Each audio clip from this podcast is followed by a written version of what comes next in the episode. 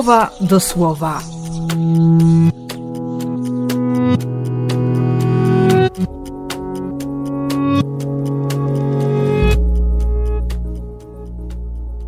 Dwudziesty siódmy stycznia, sobota.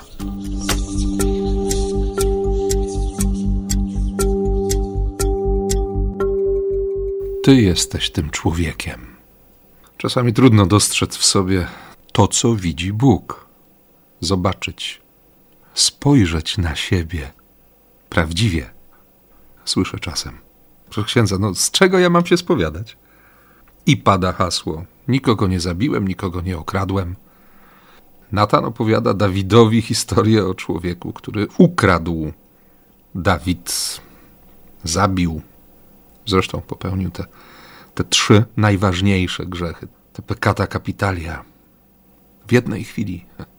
Ta chwila była rozciągnięta w czasie, ale, ale chodziło o jedno spojrzenie, o to jedno popołudnie, o ten moment, w którym Dawid nie słuchał Boga, nie pytał Boga o zdanie.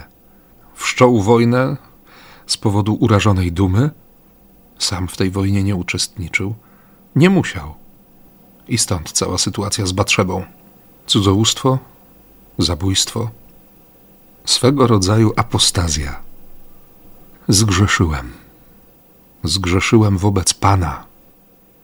Dla Dawida jednak wciąż najważniejsze są oczy Boga. Oczy ludzi może nawet by go usprawiedliwiły. Oczy Boga znają prawdę. Owszem, ofiarują miłosierdzie, życie zamiast śmierci. Choć Dawid przekona się boleśnie, że zapłatą za grzech jest śmierć. To znaczy, grzech zawsze prowadzi do śmierci. Ale, ale Bóg go wyprowadzi z tej śmierci i zadba o życie tego dziecka. Bogu dziękuję za tę intuicję, za to przekonanie Kościoła, że dzieci, które nie zdążyły się urodzić dla tego świata czy w tym świecie, są w bezpiecznych ramionach Ojca, są zbawione. Zresztą to pokazuje dzisiejsza Ewangelia. Przeprawmy się na drugą stronę. Zabrali go tak, jak był. Co jak co, ale o ile miał kompetencje do, do nauczania, do, do czynienia cudów, był pewnie też dobry w fachu, którym zajmował się jego ojciec ziemski. O tyle na pewno nie był żeglarzem. Oni mu pokażą, to znaczy oni zadbają o jego bezpieczeństwo. Ale Jezus jest w ramionach Ojca i, i cała ta sytuacja pokaże bardzo jasno. Jakakolwiek by nie przyszła burza, jeśli mamy to przekonanie, mamy tę świadomość, tę pewność, nie tylko wiarę, pewność, że dłonie Ojca Niebieskiego są naszym bezpieczeństwem, są naszym zaufaniem, to nie będziemy się bać. Jeśli przyznamy, że Boże kompetencje ogarniają wszystko, absolutnie wszystko, to cokolwiek by się nie działo, nie stracimy pokoju serca. Nie?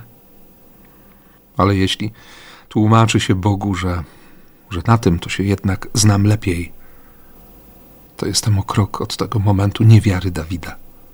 To Bóg potem wchodził w moje życie z interwencją przekraczającą to, co mi się wydawało moim problemem, bo okazuje się, że, że pod moim nosem, kompletnie przeze mnie niezauważony, rozpanoszył się demon. Oczywiście, Jezus pokaże, że, że On ma władzę, że nie muszę się bać. Więc proszę Go dziś o wiarę. Dla Ciebie, dla mnie. O zaufanie, o życie, o miłość. I błogosławię, jak tylko potrafię. W imię Ojca i Syna i Ducha Świętego.